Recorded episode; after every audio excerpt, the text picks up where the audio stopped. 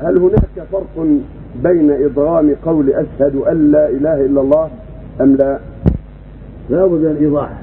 أشهد أن لا. النون تدغم في الله. طيب. لا بد أن يكون يعني عباره واضحة. أشهد أن لا. ما يقال أنا لا مع طريقة العرب في هذا والقراء؟ إدغام.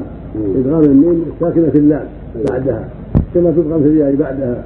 وفي الميم بعدها. ستة حروف تدغم فيها النون الساكنة.